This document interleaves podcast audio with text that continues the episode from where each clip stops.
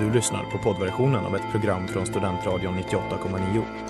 Alla våra program hittar du på studentradion.com eller där poddar finns. Av upphovsrättsliga skäl är musiken förkortad.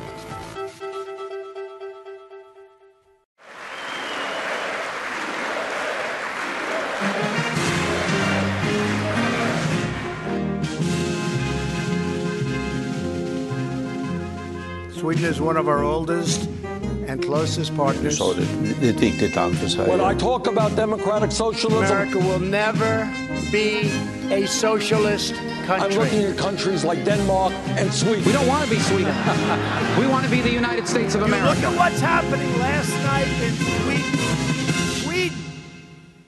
Who would believe this? Sweden. God kväll och välkomna till dagens avsnitt av The Swedish Democrat här på Studentradion 98,9. Jag brukar ju säga att det här är, om inte världens, så åtminstone studentradions enda program som diskuterar det amerikanska valet utan att nämna det amerikanska valet. Hur går det till? Ja, det får ni höra ett exempel på här ikväll.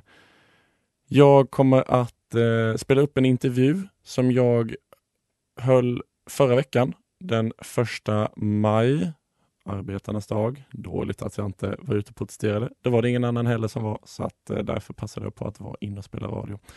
I alla fall, jag intervjuade Frida Stranne. Hon är lektor på Högskolan i Halmstad och är doktor i freds och utvecklingsforskning flitigt anlitad USA-expert i TV4, Expressen och så vidare och så vidare. Vi hade ett riktigt pangsamtal. Inte bara innehållsmässigt utan även längdmässigt. Vi hade bokat in eh, ett samtal på ungefär 20 minuter. Ehm, jag vet att jag brukar dra över lite, eh, så tänkte att det kanske kommer ta 25 eller 30. Men vi pratade i eh, över en timme. Vi, vi drog över tiden med en timme. Så att vår intervju kommer faktiskt att bli två avsnitt. Så ni kommer att få höra första delen nu ikväll och sen andra delen kommer om en vecka. Eh, den första delen som vi ska lyssna på eh, ikväll då handlar eh, om det amerikanska frihetsidealet kan man väl säga. Och avsnittet som kommer om en vecka handlar om den amerikanska drömmen. Men eh, nu ska vi inte tänka på vad som kommer att hända om en vecka utan vi eh, klämmer väl till med kvällens avsnitt.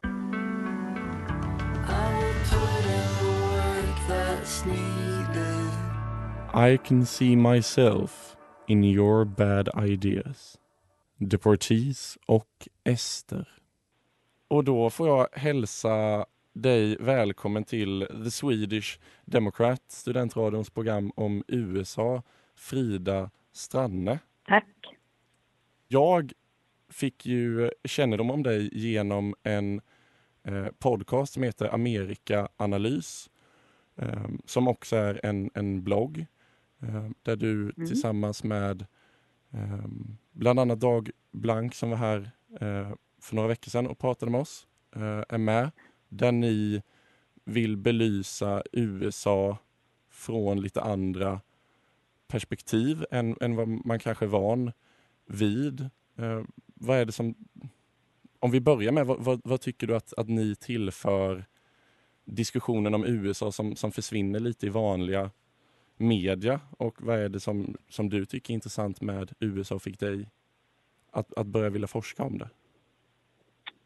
Ja, två lite olika frågor. Jag, eh, eh, vi, vi deltar ju väldigt mycket i eh, samhällsdiskussionen eh, om USA. Både jag och Dag och Karin Henriksson och Erik Åsad som också är med i vår podd eh, blir ju ofta tillfrågade i media, och har varit så under flera år och det eh, då har man märkt att det är väldigt mycket i media som styrs av sådana frågor som är aktuella för tillfället och sånt som skapar stora rubriker och eh, är viktiga på många sätt. Men det utestänger också ofta möjligheter att fördjupa, att diskutera saker som vi i vår forskning då har sett som viktiga aspekter för att förklara och förstå det amerikanska samhället. Så för några år sedan så valde vi att starta den här, först bloggen och nu sedan eh, ett drygt halvår tillbaka podden för att vi ska ha möjlighet att kunna lyfta frågor och fördjupa kanske framförallt saker som vi tycker är viktiga eh, för att beskriva det som händer i USA. Eh, USA är ju inte bara världens viktigaste aktör kanske på många sätt, eller mäktigaste aktör kanske man ska säga mer korrekt. Eh, utan det är också någonting som vi speglar väldigt mycket här i Sverige men inte alltid på ett, eh, tycker jag, eh, helt uttömmande eller korrekt sätt. Och då startade vi den här eh, bloggen. Själv är det en helt annan, eh, ett annat skäl till att jag tidigare, för många år sedan nu, eh, valde att eh, skriva min avhandling och börja forska om USA. Det var egentligen en slump. Jag är från Eh, ett ämne som heter freds och utvecklingsforskning, internationella relationer och eh, eh, studerade internationella konflikter och säkerhetsfrågor under mina, min grundutbildning. Och när jag kom in på doktorandutbildningen 2002 så hade i januari så hade ju 11 nyligen hänt. Och ehm, det blev ganska naturligt för mig för att jag tyckte att det var knepigt att vi eh, inte ställde så mycket kritiska frågor till varför attackerna hade skett mot USA. Det skapades någon föreställning om att USA hade blivit attackerat liksom nästan från, eh, från tomma intet. Och har man följt USAs politiska militära engagemang i Mellanöstern som jag hade gjort i flera år så fanns det många obesvarade frågor i hur vi belöst den konflikten som faktiskt fanns. Eh, och sen när, när George Bush då valde, och det det blev ganska uppenbart ganska tidigt att man hade för avsikt att invadera Irak som enligt de allra flesta bedömare inte hade någonting med terrorattackerna att göra den 11 nionde så blev jag väldigt nyfiken på vad det var för olika mekanismer som gjorde det angeläget och också möjligt att få med sig den amerikanska befolkningen på en attack på ett land som faktiskt eh, eh, inte eh, var skyldig till någonting i det här sammanhanget. Så det var, det var delvis en slump eh, och det gjorde att jag fastnade på USA och sen har jag eh, sysslat med USA i, i ja, snart 20 år.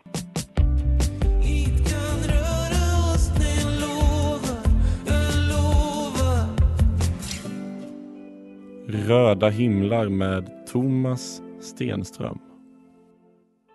Argumentet för, kanske inte just eh, Irak och eh, ja, överlag, man kan dra in Afghanistan och andra länder som, som gick in i samtidigt i, i kriget mot terrorn. Där var väl inte argumentet frihet så mycket, men, men USA har ju ofta eh, lagt sig i andra staters eh, politik just med argumentet att man vill befria eh, de staterna från olika typer av förtryck. Och jag tänker mm. att vi, därför glider in i frihetsidealet.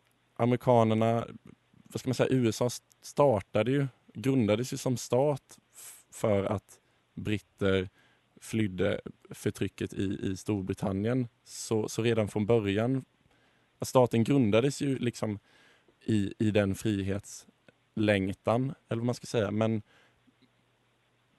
är, är det så enkelt?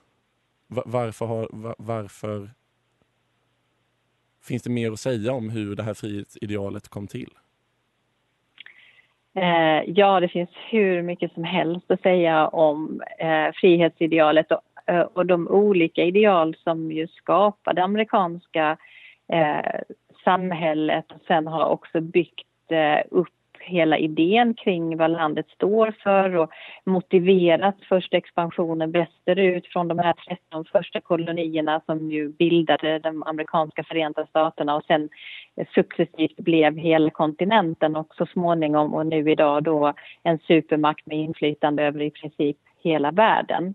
Eh, och det är ju många grundläggande idéer här som väldigt tidigt formerade USA och som, är, och som byggde hela landet kring politiska idéer snarare än en nedärvd etnisk eller kulturell enighet så som många andra nationer ju har skapat där det finns en, kanske en ganska homogen etnisk eh, bakgrund och så, och så, vidare. I USA skapas landet utifrån nybyggare från eh, olika delar av världen och som slöt upp bakom politiska idéer som, som formade landet och de politiska idéerna var ju eh, inte, inte minst eller kanske allra mest då eh, inspirerade av eh, frihet från tyranni och från kungamakterna i Europa där människor flydde ifrån och där man hade hela tanken på att skapa ett nytt unikt politiskt system som skulle se till att eh, hålla alla former av auktoritära regimer och statsmakten liksom stången från att inte kunna blanda sig i den, den privata sfären och människors eh, eh, friheter på olika sätt. Så det är liksom fundamentet i hela eh, den amerikanska liksom, politiska idén och också det som formar konstitutionen som för många människor också fortfarande idag är liksom heliga principer och det är det vi vi också ser händer nu i olika protester här när, när staten och guvernörerna går in och begränsar människors frihet så är det någonting som skär i, i själen av den amerikanska självbilden. Det som fick mig intresserad av att prata om just det här var ju ett avsnitt som ni hade i Amerikanalyspodden kring um, helgdagar och det faktum att man inte har så många röda helgdagar för att i USA så så ska alla få fira det de vill och då ger man inte förtur till någon religion eller sådär. Och, och hela det samtalet ni hade där kring eh, amerikansk identitet kan jag verkligen rekommendera till, till eh, våra lyssnare. Men, men om vi går in på det här med, med eh, coronaprotesterna nu. Eh, att jag kan, jag kan bara säga som en kommentar till det att det, mm. det är också ett sånt här grundläggande del i, i uh, idén om USA att man, man firar nationella helgdagar det handlar om hyllningar till nationen, till frihetsidealen, till de som har eh, försvarat då i amerikanska olika krig till exempel de bärande principerna om demokrati och frihet. Sen finns det ju givetvis då motsägelser i detta precis som du nämnde inledningsvis, nämligen att eh, genom att försöka sprida demokrati och mänskliga rättigheter så har man många gånger i historien på otaliga sätt använt icke-demokratiska medel och blandat sig i också eh, andra nationers interna angelägenheter för att liksom vända olika politiska riktningar. Så att det finns många motsägelser i detta. Men det, det, det är ett väldigt viktigt exempel, det som du tar upp här med helgdagar, att det eh, det, det, som är signifikant för USA det är att man liksom hyllar nationen och man hyllar de politiska principer som, som landet är grundat på.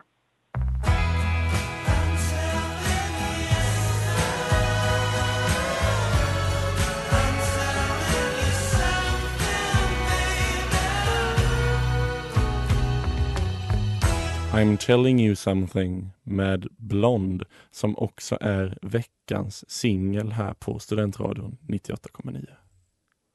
Som svensk så förstår man inte hur, hur stark tro man kan ha på att man inte vill ha den här statliga inblandningen och inte vill att någon ska säga åt en vad man ska göra trots att den tillsägelsen eller det här förbudet är till för ens eget bästa? Vad är det som gör... Är det, är, är det liksom att man inte har att man är rädd att det ska liksom bli någon slags snöbollseffekt. Att om man börjar ge mm. guvernörerna makt att eh, hindra en från att gå på gatan i coronatider så tänker man att när corona är över så kommer det bli som i auktoritära stater där man tar chansen att införa eh, eh, olika förbud när det är kris och sen när krisen är över så stannar förbuden kvar. Är det det man är rädd ska mm. hända i USA också? Uh, nu, nu, vaknade vi faktiskt här på morgonen idag till, uh, till uh, nyheter om att man faktiskt har stormat ett kongresshus i Michigan, tror jag att det var, Eh, nu igår kväll eh, amerikansk tid, eller igår eftermiddag amerikansk tid eh, som med, till och med med vapen för att eh, markera och protestera eh, kraftfullt mot de nedstängningar och inskränkningar i den personliga friheten som nu har gjorts i, i, i Michigan. Ja, när vi spelade in det här avsnittet så hade ju då som Frida säger den här händelsen precis inträffat och det var lite oklart då vad det var som hade hänt. Så jag tänker att vi kan väl ta en minut för att reda ut det. Som, som Frida sa så var det mycket riktigt i Michigan som de här protesterna ägde rum. Och då var det en, en demonstration som kallade sig för The American Patriot Rally som gick in i eh, Michigans federala parlament. Eh, de var, vissa var beväpnade, de flesta inte såklart, men vissa var det. Eh, det utbröt inga våldsamheter, i alla fall inte vad BBC eh, rapporterar. Det är lagligt i Michigan att, att bära vapen och även att, att bära det öppet, även i, inom då det här parlamentet. Så att det var ingen som bröt mot några lagar. Men, men som Frida säger, en mycket märklig och skrämmande företeelse. Donald Trump twittrade eh, ut sitt stöd för den här gruppen. Han eh, twittrade Liberate Michigan i stora versaler. Stora versaler, stora bokstäver, versaler. Skitsamma. Och eh, det har då vissa tolkat som att han stöttar någon slags uppror då mot den, eh, den demokratiska guvernören i Michigan, Whitmer. Och hon eh, har då försökt komma överens med eh, det, det, republikanska parlamentet i Michigan om att förlänga det här nöd, vad säger man? nödläget som råder den republikanska majoriteten i parlamentet höll inte med och nu är det en strid mellan dem då om hon behöver deras tillåtelse eller godkännande för att kunna förlänga det här nödtillståndet. Och eh, hon har också blivit stämd, eh, läser jag, av några vanliga medborgare eh, mm, som då stämde henne för att den här det här beslutet att stänga ner Michigan skulle vara strida mot konstitutionen. Men det tyckte en domstol i Michigan att det inte gjorde. Jag tolkar det som att det är den lägre, lägre instansen. Men det är i alla fall situationen i Michigan. Mycket, mycket starka känslor. Lyckligtvis inget våld än så länge.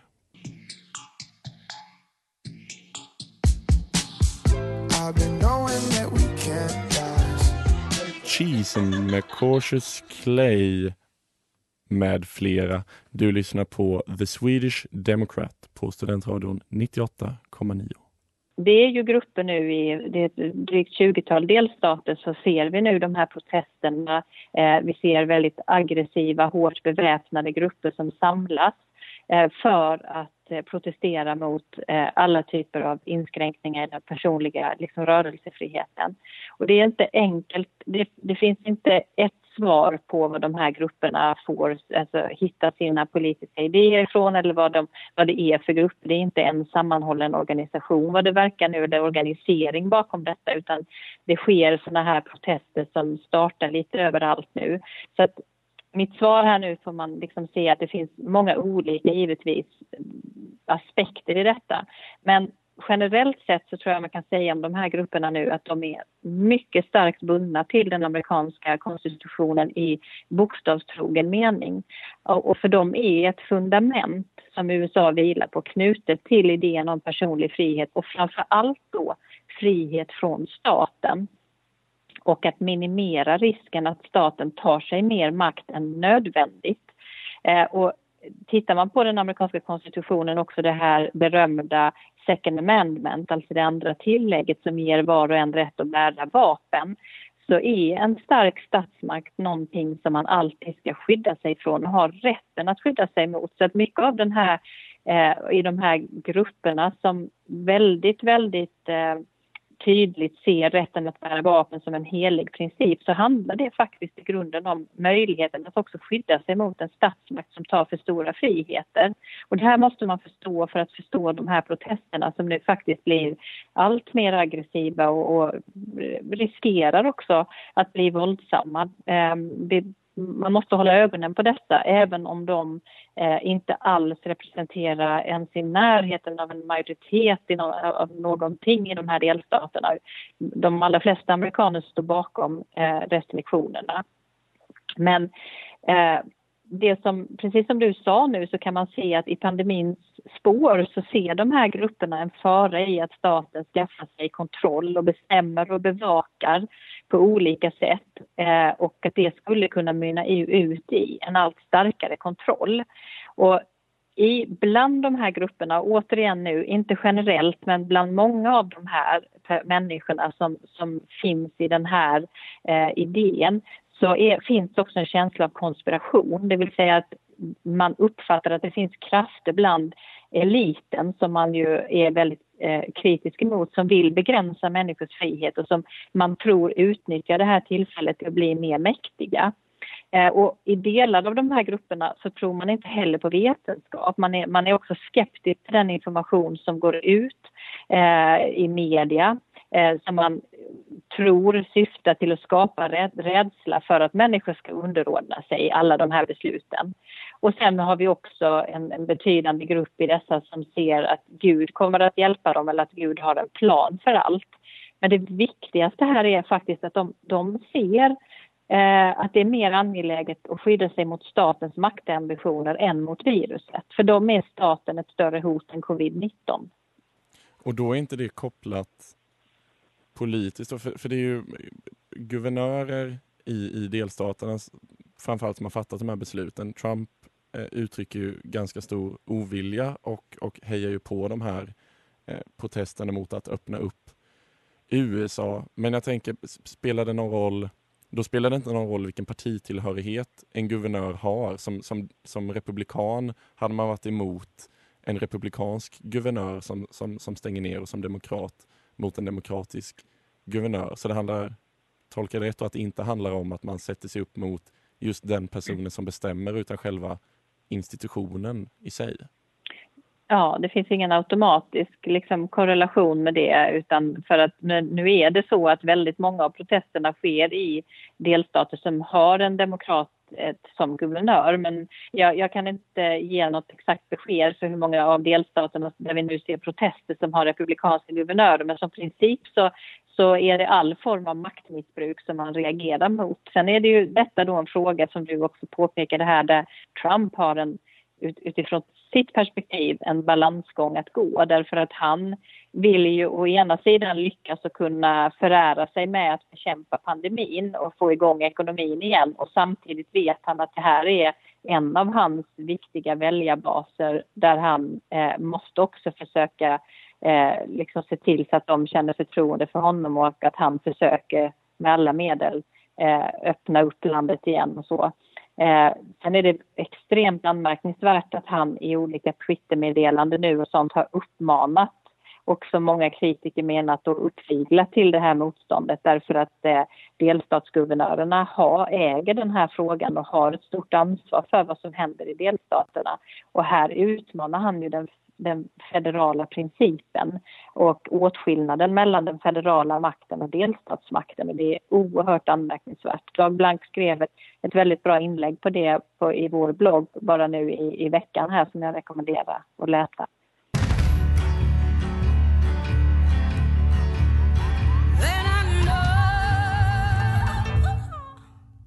I want you to love me med Fiona Apple. Jag kommer att tänka på när du pratar om, om den här misstänksamheten mot eh, eliten. Jag tror att det var i, i veckan, eller om det var förra veckan, som Trump på en presskonferens presenterade sin eh, eh inrikesminister, eh, eh, Secretary of State, och sen la han till eller the deep state, som jag brukar kalla det. You know what I'd like to do? I'd like him to go back to the State Department, or as they call it, the Deep State Department. Hur, hur ska man förstå att han, när han är på den högsta positionen i, i USA och skulle många säga världen fortfarande spär på den här myten om att det skulle finnas en, en högre sammansvärjning. Den här djupa staten då som, som man talar om.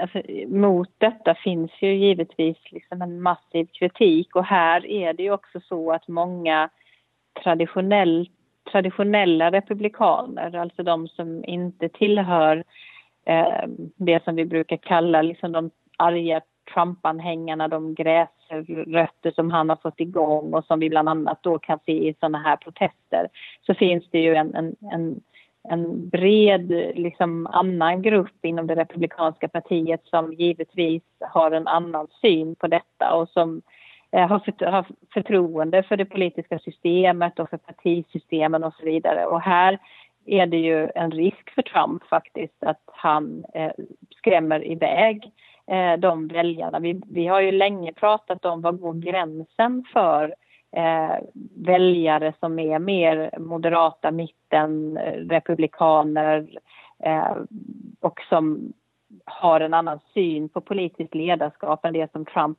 representerar. Vad, vad går gränsen för när de överger Trump? För Många av dem vill ju ha en ekonomisk politik som är i linje med den som Trump-administrationen har bedrivit. Eh, de vill ha konservativa domartillsättningar och annat men de står inte bakom Trumps Twitter, hans eh, icke-diplomatiska sätt att förhålla sig till omvärlden, hans sätt att alltmer dra sig ur internationella samarbeten och så. Och här är ju en sån fråga också som eh, på olika sätt ju eh, gör att de drar öronen åt sig. Och det finns ju också mycket kritik givetvis mot Trumps sätt att skapa den här typen av konspirationer eller rättare sagt underblåsa dem.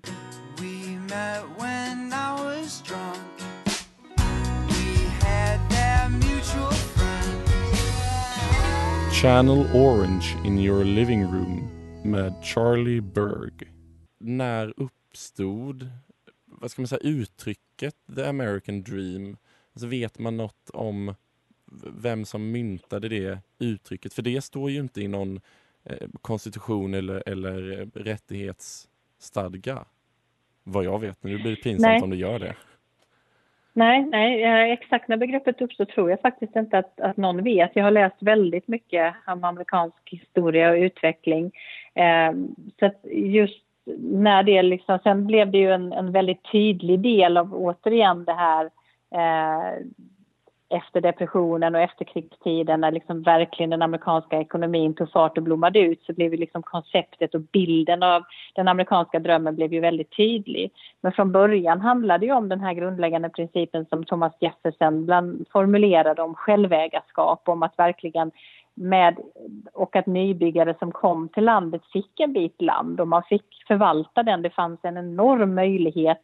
Kontinenten, man expanderade och man fick möjligheten att liksom bygga upp någonting. Man tilldelades ju liksom markbitar för att liksom exploatera jorden och, och på olika sätt utveckla. Och sen hittade man ju tillgångar i USA eh, efterhand som man expanderade genom gruvor. Liksom det fanns mineraler och guld och det fanns oändliga möjligheter till, eh, till att odla och, och driva olika typer av verksamheter. Så det blev ju möjligheternas land, eller var ju möjligheternas land väldigt tidigt.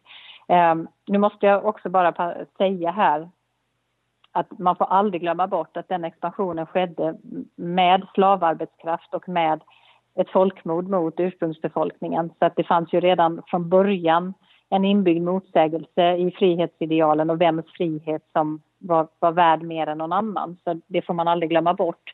Men det som sen hände i, efter inbördeskriget så, så fanns det ju en, eh, en svart man som lyckades skapa sig en stor framgång, eh, Frederick Douglass. Och han myntade ju ett annat begrepp som är starkt knutet till den amerikanska drömmen, nämligen idén om the self-made man som liksom gifte sig väldigt väl här eh, under 1870-80-talets slut med hela liksom idén om eh, att du kan skapa din egen dröm och din egen framtid så som du vill ha den genom hårt slit. Och då fick han representera att också svarta började få möjligheter, vilket eh, inte gällde mer än ett ytterst litet antal, men det blev ändå en föreställning om att vem som helst kan lyckas.